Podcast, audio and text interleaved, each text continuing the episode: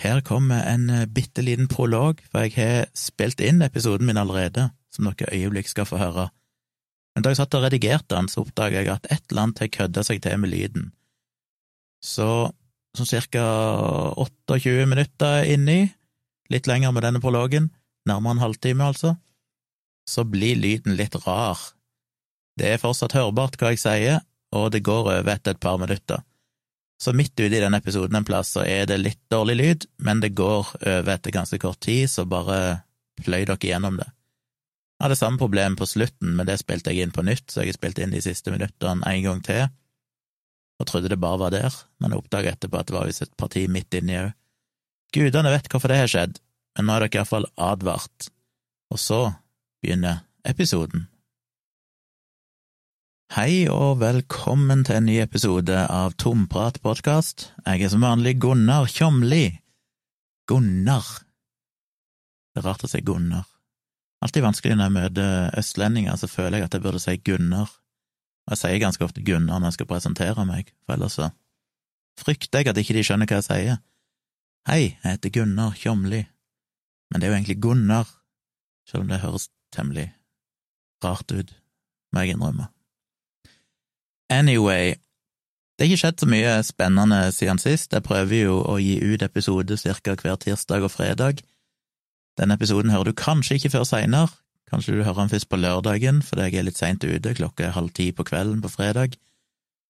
Jeg jobba i dag, programmert, programmert og programmert, og det har tatt lang tid, men um, begynner å nærme meg målet.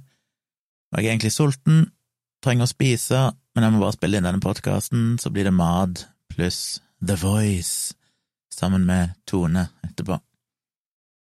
I morgen så skal jeg ha en liten fotoshoot. Det begynner å bli en stund siden sist. Det var i oktober, slutten av oktober eller noe sånt, sist jeg hadde en eh, fotoshoot, og jeg kjenner at jeg savner det. Én ting er å ta bildene, men noe av det gøyeste jeg vet, er å redigere bildene. Og jeg har egentlig en ganske lang liste med folk som har kontakta meg eh, om å ha sånne gratis TFP-shoots, som det heter.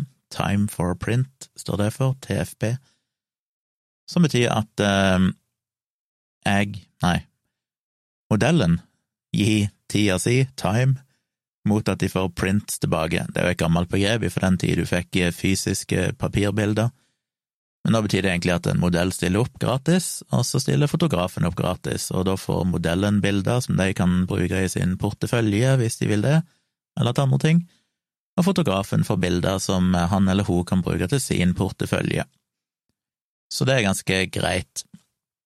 Og jeg har som sagt ei liste med folk. Eh, det kom ganske mange på en gang, så jeg fikk tatt noen av de i høst. Og så ble det korona, og så var det forskjellige andre travle ting som skjedde, så jeg fikk ikke anledning til å planlegge noe mer, men jeg har jo ei liste som jeg kan ta kontakt med når jeg får lyst.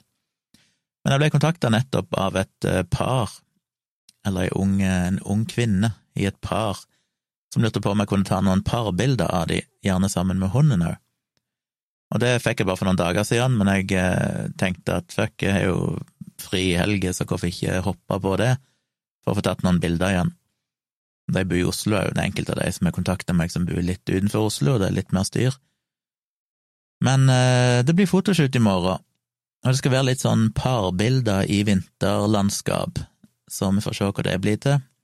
Jeg eh, er litt usikker, for det er jo meldt en del minusgrader i morgen, men grunnen til at jeg ville ha det i morgen, var at ifølge værmeldinga så skal det være ganske fint vær, men kaldt. Og jeg er spent på hvor lenge jeg holder ut med kamera i hånd i minusgrader, fordi det er umulig å bruke noe hansker og sånne ting, så det blir egentlig bare hender. Så vi får se, jeg må finne Det blir et eksperiment, vi får ha en plass vi kan trekke oss inn hvis det blir for kaldt, og få litt varme i oss før vi fortsetter. Så vi får se. Men jeg gleder meg til det, jeg gleder meg spesielt til når jeg er ferdig og kan begynne å redigere bilder. Så hvis det er noen andre der ute som trenger en fotograf, eh, sjekk gjerne ut bildene mine på foto.tjomli.com. Så dere liker dem, så går det an å ta kontakt og så se om dere kan bruke meg til noe. Tar alle typer bilder, det kan være portrettbilder du trenger, det kan være bryllupsbilder, det kan være familiebilder, whatever. Jeg synes det er gøy å ta bilder, så ta gjerne kontakt. Ellers nytt av uh, uka, så har jo den godeste Berit Nordstrand fått uh, en klage fra Rådet for legeetikk. Og dette er jo et tema jeg burde ha Hadde jeg blogga om det, så hadde jeg jo brukt eh, god med tid og satt meg inn i det. Nå tenkte jeg å gjøre det litt mer på sparket, og jeg er sulten, så jeg kan ikke drive på altfor lenge. Men jeg syns jo det var gledelig, fordi jeg har jo kritisert Bert Nordstrand flere ganger. Første gang var tilbake igjen i 2010. Da skrev jeg en bloggpost som heter Overfòret og underernært? spørsmålstegn. Og hvis jeg husker rett, så var vel det basert på en tekst, en kronikk eller sånn hun hadde på trykk i var det i Stavanger Aftenblad, et eller annet, en eller annen avis, som jeg da reagerte på. Og det var jo i 2010, og da var jeg jo noenlunde fersk fortsatt som blogger, jeg begynte vel i 2005, så jeg hadde holdt på noen år, men det var, det var liksom da jeg begynte etter hvert å skrive mer om litt sånn vitenskapelige, medisinske ting. Så jeg, det var en av de tidlige bloggpostene der jeg prøvde å grave meg ned i forskningen og finne ut om påstandene hennes var sanne, og allerede da kom hun jo med veldig mye rare påstander. Så skrev jeg en ny og mer omfattende bloggpost noen år seinere, som handler mer om Hun ga vel ut sånn, en slags barnebok for noen år siden, som, der fokuset var hvor farlig sukker er. Sukker er liksom gift og forferdelige greier. Så skrev jeg en lang og ganske grundig bloggpost om eh, de påstandene hennes der. Og nå har hun jo kommet med ei eller annen sånn bok som heter Omstart 30, tror jeg den heter, som er en slags ja, det er vel en slags teknikk der du skal følge noen eh, diettråd i 30 dager for å se hva som skjer. Og på grunn av den, blant annet, og virksomheten heller, hennes generelt sett, så ble hun jo, ble hun jo klagd inn til Rådet for legeetikk, som er en del av Den norske legeforening, eh, av eh, Kave Rashidi og Signe Flåttorp. Og det synes jeg er bra at eh, det faktisk skjer noe. Nå vet ikke jeg hvorfor en kraft et sånn klage eller kritikk fra Rådet for legeetikk har, om det er noen praktisk betydning, enten at hun får en liten dask på lanken. Men det er for bra at det blir synliggjort, og det blir avisartikler om det og sånn, sånn at folk kanskje skjønner at eh, ja, hun er ikke nødvendigvis den du skal høre på når det gjelder mat og helse, på alle områder. Eh, nå har jo Folkeopplysningen på NRK hadde vel òg en greie med henne for en av sesongene for noen år siden, da hun òg fikk eh, gjennomgå litt, så det var jo gledelig. Og det er mye dokumenter her. Jeg skal legge en link i eh, episodebeskrivelsen, eller shownotes, som vi kaller det på godt engelsk, der eh, Legeforeningen har lagt ut litt informasjon om det, og òg lagt ut PDF-er av tilsvar de har fått fra forskjellige aktører som de kontakter for å få en uttalelse, og det er Barnelegeforeningen, det er Norsk gastroenterologisk forening og Norsk forening for allmennmedisin. Og alle de tre konkluderer jo med at det er kritiske ting i den boka. Og ja, svaret de fikk fra eh, Barnelegeforeningen er veldig deilig, for det er så kort. Det er fire avsnitt. Alt er samla på ei side. Alle skulle være sånn. Så jeg håpte at alle skulle være sånn korte svar, så jeg kunne oppsummere, men da jeg kom til de andre, så var det jo side på side på side, så jeg kan ikke akkurat oppsummere alt der. Men Barnelegeforeningen skriver jo blant annet at eh, Barnelegeforeningen er bekymret for at Berit Nordstrands råd kan føre til at barn settes på unødvendige restriktive dietter ut fra kriterier og diagnostikk som mangler vitenskapelig grunnlag. De plagene, sykdommene som nevnes, er ganske vanlige i barnepopulasjonen, slik at mange kan bli omfattet av disse rådene hvis de følges. Berit Nordstrand har ikke en medisinsk spesialitet som omfatter behandling av barn, det gjør også at hun ikke bør gi ekspertråd til denne gruppa. Potensielt kan diettrådene ha negative konsekvenser for vekst og utvikling. Vi har ikke nok informasjon til å vite om den risikoen faktisk er til stede. Så det var slutten av deres eh, korte tilsvar. Så har du eh, Norsk gastroenterologisk forening, som har gått mye mer grundig til verks. Dette er jo tilbake i november i fjor. Og da går de inn på boka, tydeligvis leser lest den nøye og viser til sider og påstander som står for forskjellige sider og sånn. En av de tingene jeg syns er mest interessant, er jo at de er veldig tydelige på at uh, hun er jo veldig glad i å bruke dette begrepet lekktarm og lekktarm, eller på engelsk leaky gut, er jo en sånn eh, Når du hører det, så vet du at det er noe shady på gang. Fordi eh, Jeg husker ikke første gang jeg skrev om det, men jeg vet iallfall i USA òg har dette vært veldig omdiskutert, fordi det er en sånn klassisk diagnose som du egentlig bare finner i mer alternativ medisin, og som de selvfølgelig kan kurere. Og det er det som er så genialt, og det skriver jeg jo litt om i placebo-defekten, at alternativ behandling er jo mestere i å konstruere diagnoser som de da tilfeldigvis har en kur for. Og det er jo problematisk, fordi eh, det å gi folk diagnoser som ikke er evidensbaserte, er jo nettopp det som blant annet Nordstrand har fått kritikk for, dette her poenget med at det kan bygge opp under helseangst. Og det er ikke bra. Så her peker det jo på at begrepet lektarm er ikke en ja, anerkjent medisinsk diagnose. Jeg skriver en del om det i den bloggposten min om eh, sukker, der jeg viser til at det kan være at det enkelte tilstander der du får en økt tarmpermeabilitet, som kanskje hun mener er lektarm, men det er ikke sånn det blir brukt i den sammenhengen, og, og det er kun Altså, det er jo noen helt andre spesielle tilstander. Så jeg er glad de tar fatt i det med lektarm, for det Jeg tror det er et sånt begrep som setter seg veldig lett, og er lett å selge, fordi det, det, det er på en måte lett å forstå. Du spiser prosessert, moderne mat som da ødelegger tarmen, som blir lekk, altså lekker det farlige stoffet inn i blodet ditt og i kroppen, og det gjør at du blir sjuk. Det er på en måte så billedlig at det er noe alle kan forholde seg til, hvis ikke de tenker veldig kritisk rundt det. Så hun bruker jo det, og har brukt det i mange, mange år. Og det var en av de grunnene til at jeg ble veldig skeptisk, det òg, fordi jeg visste fra all den debatten jeg hadde fått med meg fra USA og sånn over mange, mange år, at det begrepet med lektarm eller like godt, det er liksom i utgangspunktet temmelig svada. Og når jeg da så at hun òg brukte det, så skjønte jeg at ok, dette er ei dame som jeg er litt eh, skeptisk til, og så begynte jeg å grave mer i hva hun hadde å si, og fant ut at det var mye vås der. Problemet med Berit Nordstrand er jo at hun eh, sier jo mye som er fornuftig. Jeg mener, hvis du hadde fulgt hennes kostholdsråd som en voksen person som kan ta valg for ditt eget liv, så er sikkert det flott. Veldig mye av det er sunt.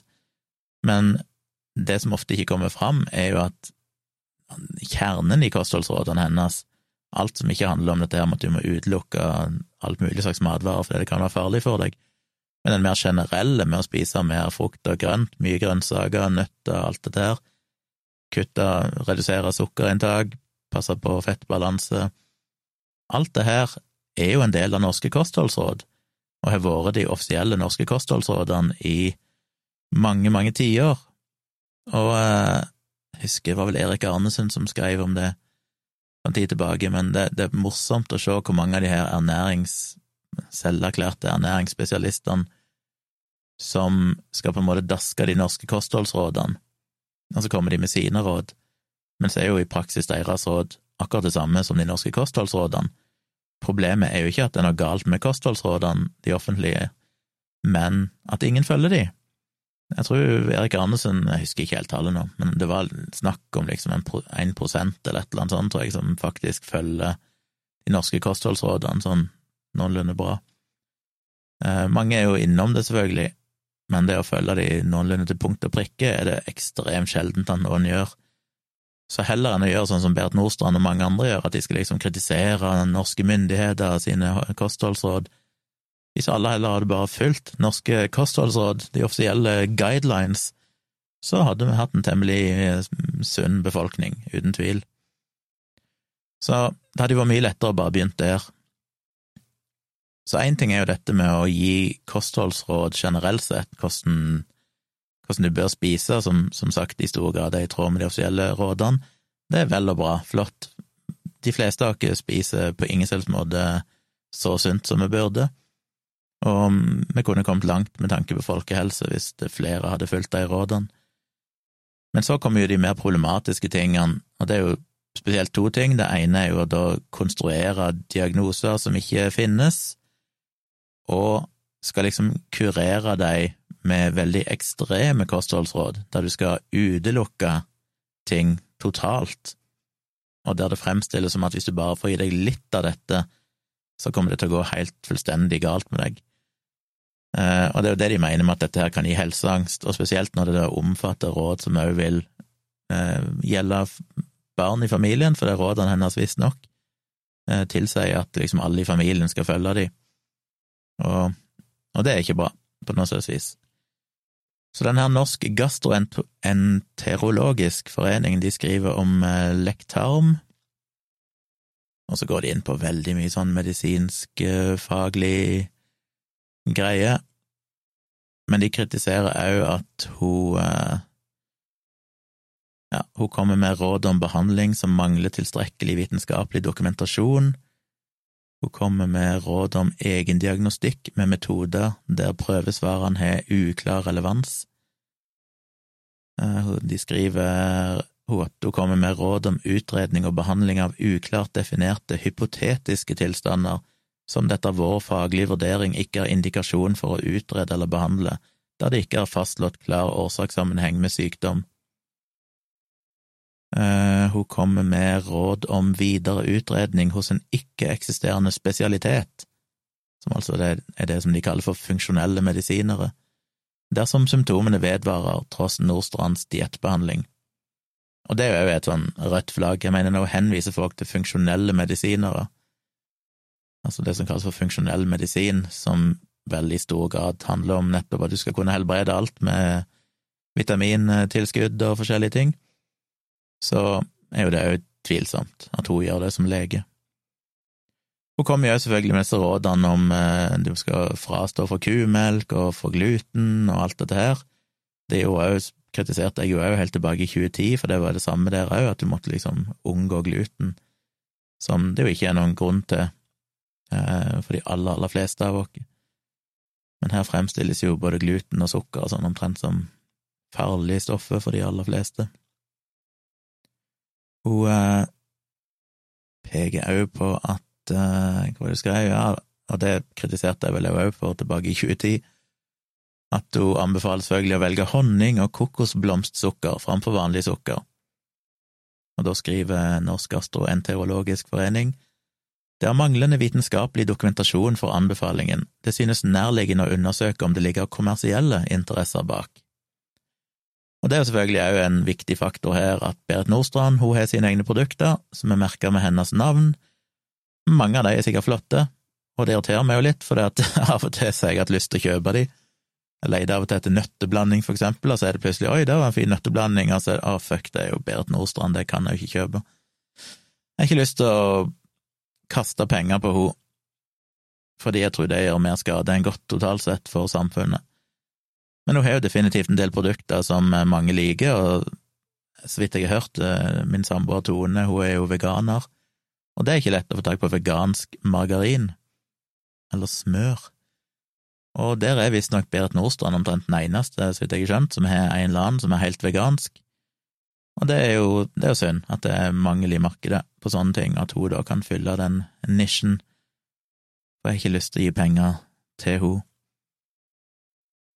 Men hun har jo definitivt eh, økonomiske interesser i dette, for det kostholdet hun anbefaler, er jo selvfølgelig òg der hun har produkter å selge, som jo gjør hele greia enda mer problematisk. Hun eh, går videre og snakker om biofilm, som de kritiserer, hun snakker om autoimmune sykdommer, hun skriver blant annet eh, hvis du er en autoimmun sykdom, så er det mulig at du ikke tåler glutenfrie korn som havre, hirse, bokhvete, amarant, ris og mais.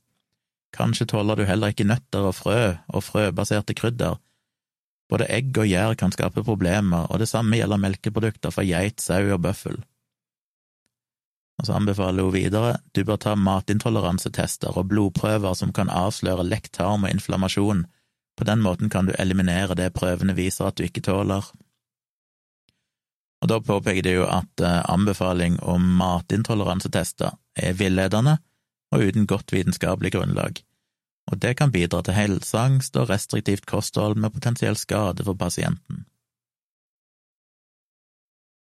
Um, så snakker hun selvfølgelig om bakteriell overvekst i tynntarmen, noe de kaller for SIBO, og sier at um, ja, der anbefaler hun òg en uh, SIBO-pustetest, og hvis du får utslag på testen, så bør du oppsøke en lege med utdanning i funksjonell medisin for videre utredning og behandling.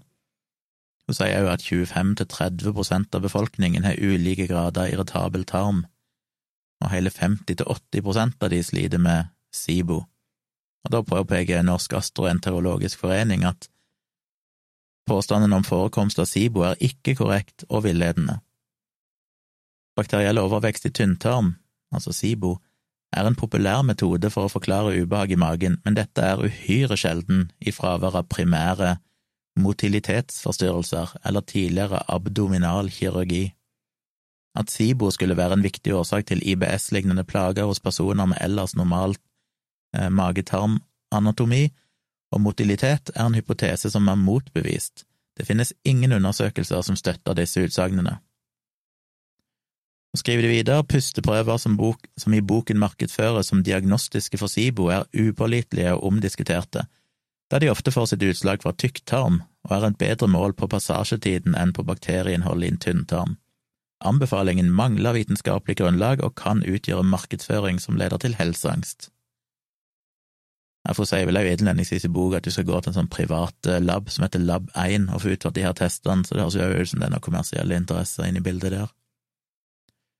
Så skriver de videre at funksjonell medisin er ikke en godkjent medisinsk spesialitet, Forutsatt at man kunne påvise bakteriell overvekst i tynntarm med en validert metode, bør et slikt funn medføre henvisning til gastroenterologisk utredning og ikke anbefales uveiledet egenbehandling, da det i så fall er overveiende sannsynlig at det ligger patologi bak som bør evalueres av spesialist. Så skriver hun videre at eh, folk bør ta en eh, matintoleransetest for å finne ut hva de ikke tåler. Og Da skriver de òg at utsagnet er villedende og kan utgjøre markedsføring av kommersielle tjenester som kan gi helseangst og kan føre til skade for pasienten. Ut fra sammenhengen i boken må man slutte at det henvises til analyser som tilbys av det private medisinske laboratoriet Lab1. Det er ikke vitenskapelig grunnlag for å si at disse testene er nyttige for utredning, eller at utslag på disse testene, med unntak av cøliakiutredning, er en god indikasjon for en eliminasjonsdiett. Disse prøvene er av tvilsom medisinsk verdi kostbare og risikerer å forsinke eller forhindre medisinsk diagnostikk. Kostendringer basert på slike prøver kan, uten grunnlag i god vitenskapelig evidens, smale inn pasientens ofte begrensede kosthold ytterligere, med fare for feil og underernæring. Eh, så skriver hun faktisk òg at eh, alle slektninger til cøliakipasienter kan klassifiseres og ha lektarm, som er interessant.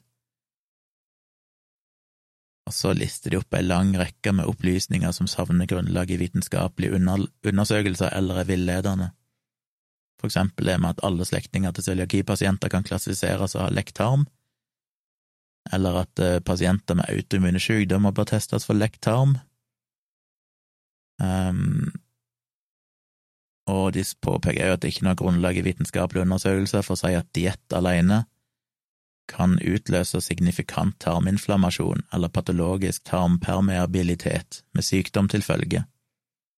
De påpeker at det stort sett er genetiske forhold og ja, et uh, oppfucka immunsystem som uh, stort sett fører til sånne ting, og det er noe det blir forska mye på.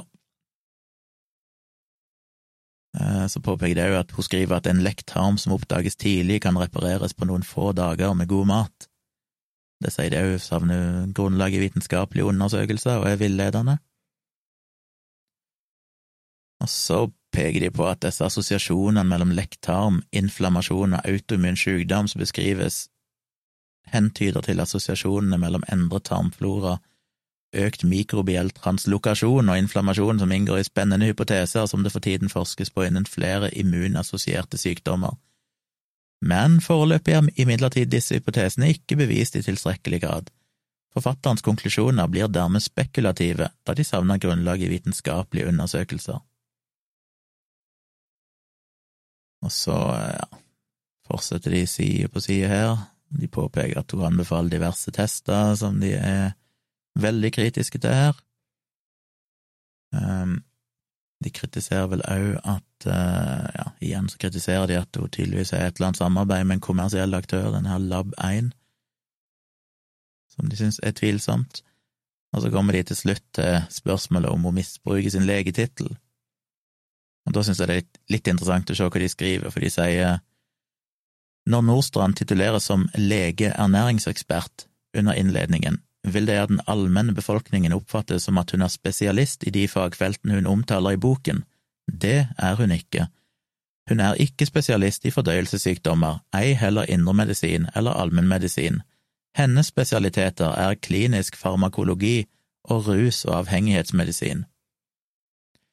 Når Nordstrand i sitt tilsvar til klagene refererer til sin lange kliniske praksis, stiller vi oss spørrende til om dette gjelder en relevant pasientgruppe med relevante problemstillinger i forhold til metoden hun omtaler i boken og sykdommene tilstandene hun hevder den skal behandle.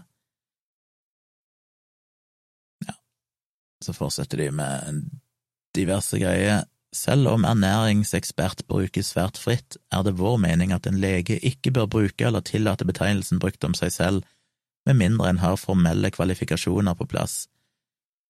Klinisk ernæring er et eget masterprogram ved universitetet. Vi registrerer at Nordstrand viser til erfaring med kostveiledning for narkomane, men ikke til kurs eller utdanningsprogram. Vi mener at Nordstrands bruk av titler er villedende, ved at de feilaktig vil gi mange lesere uten medisinsk kompetanse inntrykk av at hun i boken omtaler eh, emner hun er formelt kvalifisert til som legespesialist. Og så på slutten så besvarer de de fire hovedspørsmålene som de på en måte er blitt utfordra på, og det er Inneholder teksten opplysninger som savner vitenskapelig grunnlag og eller ikke reflekterer medisinsk allment akseptert kunnskapsforståelse? Der sier de delvis, og så utbroderer de litt. To, inneholder teksten uriktige eller villedende opplysninger? Der svarer de ja, og så utreder de. Tre, setter metodene hun beskriver pasienten i unødig fare? Der sier de kan ikke utelukkes, og så ut, broderer de mer. Og fire inneholder teksten markedsføring som kan skape angst, fordommer eller urealistiske forventninger til helsetjenesten, og der sier de òg ja og utbroderer. Og konkluderer da med at um, anbefalingene i denne boka, Omstart 30, ikke er i samsvar med etiske regler. Og så var det Norsk forening for allmennmedisin, de skal ikke ta, bruke så mye tid på det, men de sier jo mye av det samme. De påpeker igjen dette med lektarm og inflammasjon, som er sånne moteord i den bransjen hun driver. Alt er jo inflammasjon, det er betennelse i kroppen. Og det skrev hun selvfølgelig mye om i den der sukkerboka si òg, og jeg kritiserte henne ganske grundig for det i bloggposten min, men det er jo dette her med at eh, sukker gir inflammasjon og alt dette her som det jo ikke er noe vitenskapelig dekning for.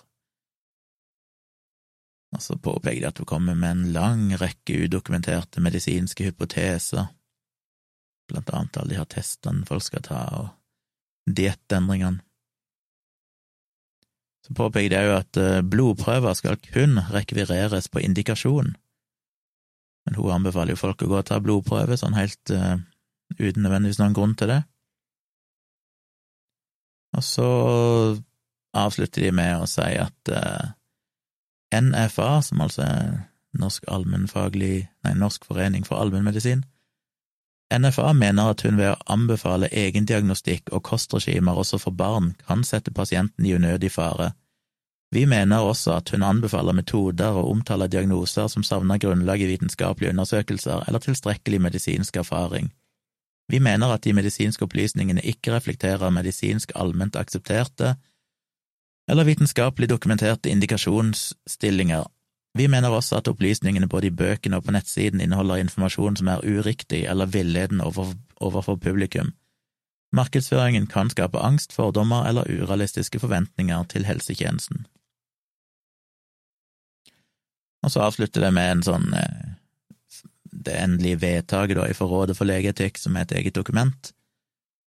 Eh, dette ble behandla 2. desember i fjor, men det kom jo først fram nå en måned seinere, så det har kanskje tatt litt tid før de er off offentliggjort det, kanskje.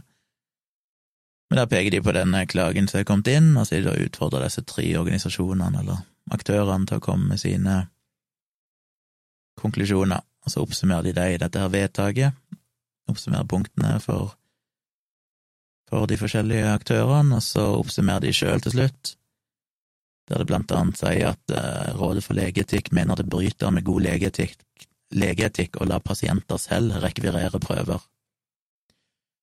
Dette vil øke forbruket av medisinske tjenester, er ikke i tråd med kloke valgstrategien og er egnet til å bidra, bidra til sykeliggjøring og helseangst.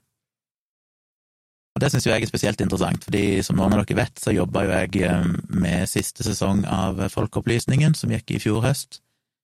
Jeg jobba jo, begynte jo høsten 2019, eller sommeren 2019, og jobba ut året og litt ut i 2020 med det, og det skulle jo egentlig vises våren 2020, ganske tidlig, ja, sein vinter. Men så kom pandemien, og så ble jo alt utsatt, så det kom først på TV nå i høst. Men der jobba jo jeg Det første jeg jobba med der, var jo nettopp den, det programmet som handla om eh, hva de kalte det, Kroppen på verksted. Og der starta det egentlig med at vi skulle lage Det skulle egentlig handle om overbehandling mer knytta mot eh, kirurgiske inngrep og sånn, for eksempel ryggoperasjoner, kneoperasjoner, alt mulig sånn, som stort sett ser ut til å være placeboeffekt for de aller fleste, og det er et stort overforbruk på den type operasjoner for ryggsmerter sånn, som ikke egentlig ser ut til å ha noen effekt utover placebo. Og der satt jo jeg og gravde i månedsvis, iallfall i ukevis, og leste artikler og forskning og snakka med folk, og veldig interessant. Og da var jeg jo opptatt av denne kloke valg-kampanjen som de har kjørt nå en stund, som nettopp handler om å få ned, overbehandling Uh, og det er mange detaljer en kan gå inn på der, jeg har vel snakka om det i tidligere podkastepisoder òg, i de episodene som er tilgjengelige kun for patrons. Hvis dere vil høre mer om det fra den tida jeg eh, Ja, når disse episodene var på TV i høst, så satt jeg og snakka litt om de etter hvert som episodene kom, og fortalte litt background stories fra researchen og måten vi hadde jobba med de programmene på. Men bare sånn kort så var det jo ganske sjokkerende egentlig å se hvor mye behandling, unødvendig behandling som blir gjort, og hvor mye av det som er drevet fram av en privatisering av helsevesenet og dette her såkalte fritt helsevalg, og ikke minst at antallet personer som har medisinsk helseforsikring, er jo økt nå så helt vanvittig bare på noen få år, som i stor grad er dette her fritt helsevalg, og at bedrifter ofte bruker det, gi helseforsikring til sine ansatte og sånn, som gjør at de kan oppsøke private klinikker og og få mye behandling som de teknisk sett ikke trenger, og som ofte kan både være risiko knytta til, og i beste fall ofte gi placeboeffekt og koste samfunnet mye. Og problemet er at når de da får bivirkninger, eller de får problemer i ettertid, så er det det offentlige helsevesenet som må ta seg av det, ikke de private. Så de soper inn pengene på å utføre unødvendig behandling, og så får det offentlige bare en ekstra byrde i tillegg til alle sånne her som de endte opp med å fokusere mye på da i selve programmet, for det endra seg jo underveis. Vi fant ut vi heller skulle snakke mer om sånne årlige helsesjekker og mammografi og sånne ting. Men det å skrive ei sånn bok som den Omstad 30, eller drive den eh, informasjonskampanjen, eller desinformasjonskampanjen, holdt jeg på å si, som Berit Nordstrand driver, det er jo sånn som gjør at folk får helseangst. De begynner å kjenne på kroppen og tenke at oi, jeg følte meg litt dårlig i magen, kanskje jeg burde gå og få tatt noen prøver, og så går du og tar de her prøvene, og så finner de ofte et eller annet fordi de ikke er gode nok, og de har masse falske positive og sånn, og så begynner du å eliminere ting i formaten din, som kan da potensielt sett være farlig, og det er jo ofte en ond sirkel. Når du først begynner med sånne ting, så begynner du å kjenne på flere ting, og så tenker du ja, ja, nå må jeg kanskje teste det òg, og så begynner du Og jeg mener, det er jo et navn for dette. Det er jo det er ikke en, en eh, Det er egentlig ikke foreløpig en medisinsk godkjent eller en, en, eh, psykiatrisk diagnose, men det kalles jo for ortoreksi, som jo egentlig handler om at du har en sånn overdreven fokus på mat. Og det er problematisk, og spesielt når det gjelder barn, da, for det ser vi jo. Jeg vet jo sjøl om folk som har sånne hysteriske tanker rundt kosthold, og som nekter ungene sine å spise ting som de definitivt for det første ikke hadde hatt noe skade av å spise, og kanskje til og med absolutt trenger å spise. Og det er jo mye av det som er grunnen til at uh, hun har blitt klaget inn, det er vel kanskje aller mest med tanke på barn. Så det å oppfordre folk til å gå og ta sine egne prøver og drive med eliminasjonsdietter, eli, eliminasjons... elimineringsdietter, er ikke bra, spesielt når det da ligger ganske tydelige kommersielle hensikter bak, og veldig mange av rådene ikke er basert på noe vitenskapelig evidens. Ikke bare mangler det evidens, men en del av tingene er jo veldig godt eh, motbevist.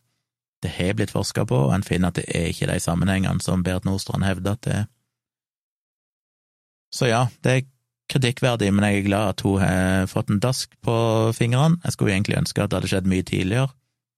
Jeg har jo, i tillegg til de to ganske lange bloggpostene, så har jeg jo et eget kapittel i boken min Håndbok i krisemaksimering, et kapittel som handler om falske eksperter, og der nevner jeg jo blant annet Berit Nordstrand som et eksempel på det.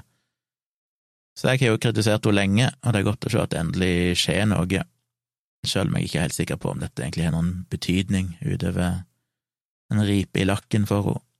Men jeg håper jo at det kanskje fører til at en del flere er litt mer kritiske til hennes påstander.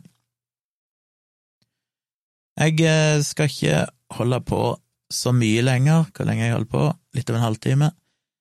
Jeg tenkte bare å si litt uh, Minner dere på at jeg holder jo disse livestreamene på YouTube-kanalen min. Veldig kult om dere stikker innom der. Det går an å bare se på og være helt anonyme, og ingen vet at dere er der. Eller dere kan delta i livechatten, som en del gjør. Vi sitter og prater, og det blir stilt spørsmål, og det er moro. Og så må jeg òg minne dere på at, uh, som sagt, hvis dere blir Patron, så får dere tilgang til 155 episoder, er det vel, tidligere episoder av Tomprat.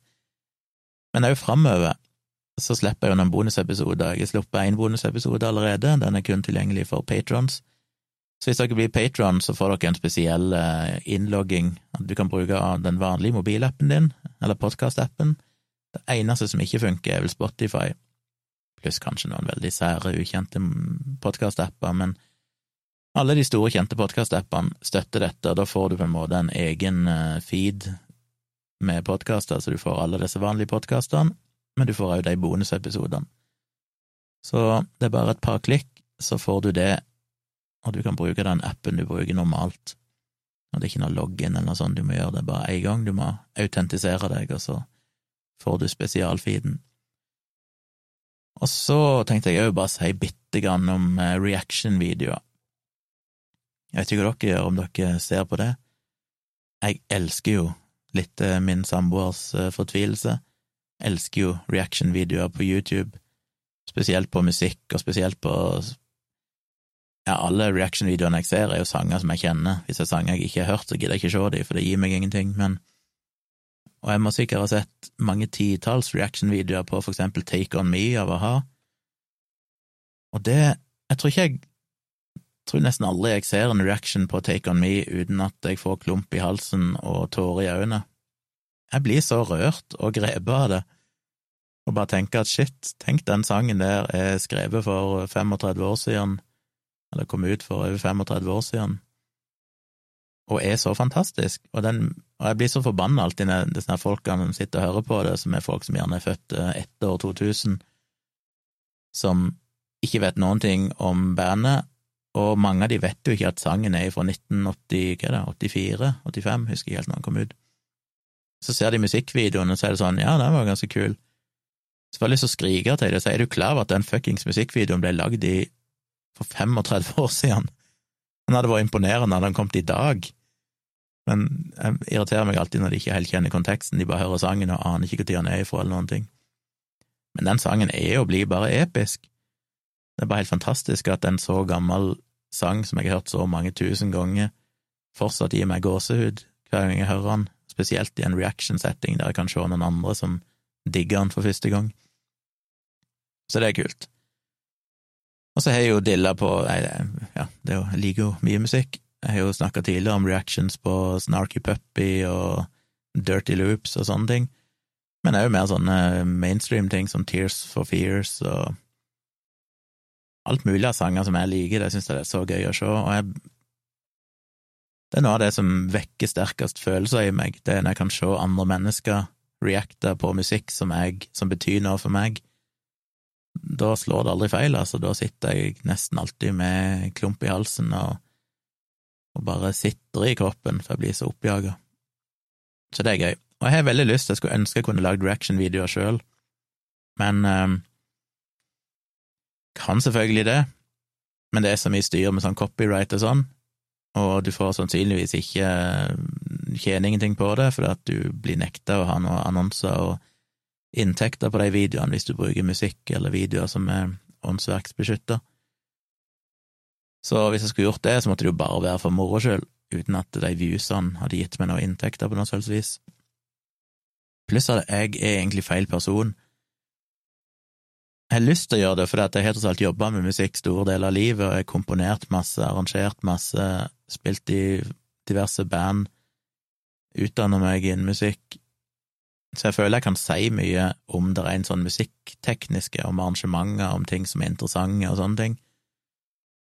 Men jeg er ikke så glad i å høre musikk som jeg aldri har hørt før, og jeg er veldig treig på å like musikk. Så det å gi en sånn Jeg mener, de som lager gode reaction-videoer, det er jo ofte veldig sånn spontane mennesker som gir veldig tydelig uttrykk for sin entusiasme eller et eller annet sånt. Jeg er jo ikke en sånn person. Så skulle jeg reacta på noe, så måtte det heller være holdt si, fake reaction, så måtte det heller være analyse av sanger som jeg liker, som jeg ønsker å bringe ut til folket, som jeg kan si noe om. Peke på ting som er interessant, peke på ting fra musikkhistorien, peke på historier under innspillinger som jeg kjenner til. Mer sånne ting. Men jeg vet ikke om jeg prioriterer det. Jeg har gått med tanken, men vi får se. Um, ellers så har jeg jo uh, blogga litt men jeg har ikke fått publisert det, og det irriterer meg litt. I alle årene jeg har blogga, så er det jo én ting jeg har lært, og det er at timing er alt. Og tidligere så var jeg veldig flink til å være kjapt ute, gjerne bare noen timer etter at et eller annet var publisert i VG eller Dagbladet.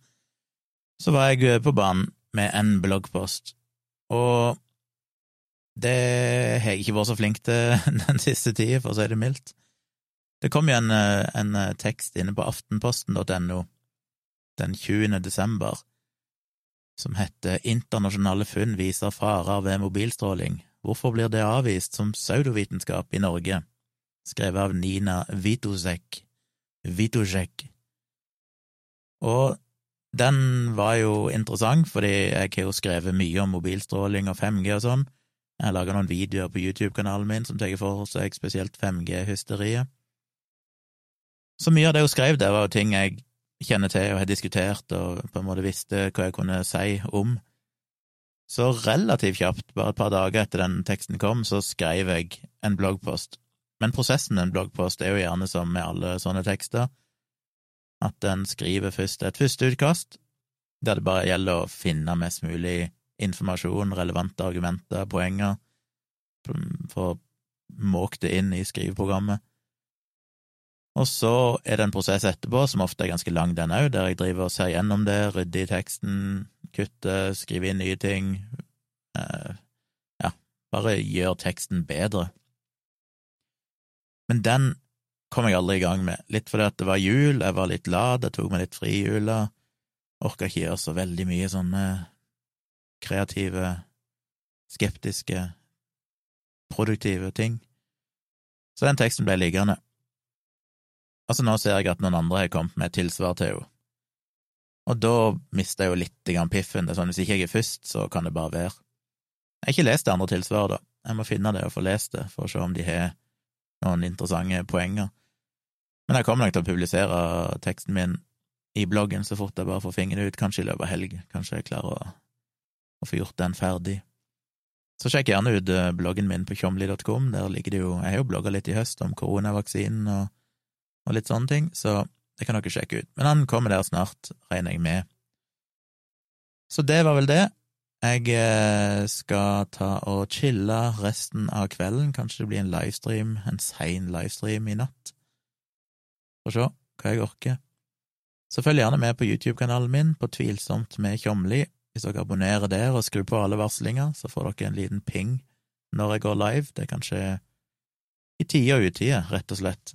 Og det er veldig kult med folk som følger med. Du kan sitte helt anonymt og ikke vise at du er der i det hele tatt, eller du kan eh, delta i chatten med spørsmål og innspill. Så da håper jeg at jeg ser noen av dere snart, et eller annet sted der jeg beveger meg på intertubaen.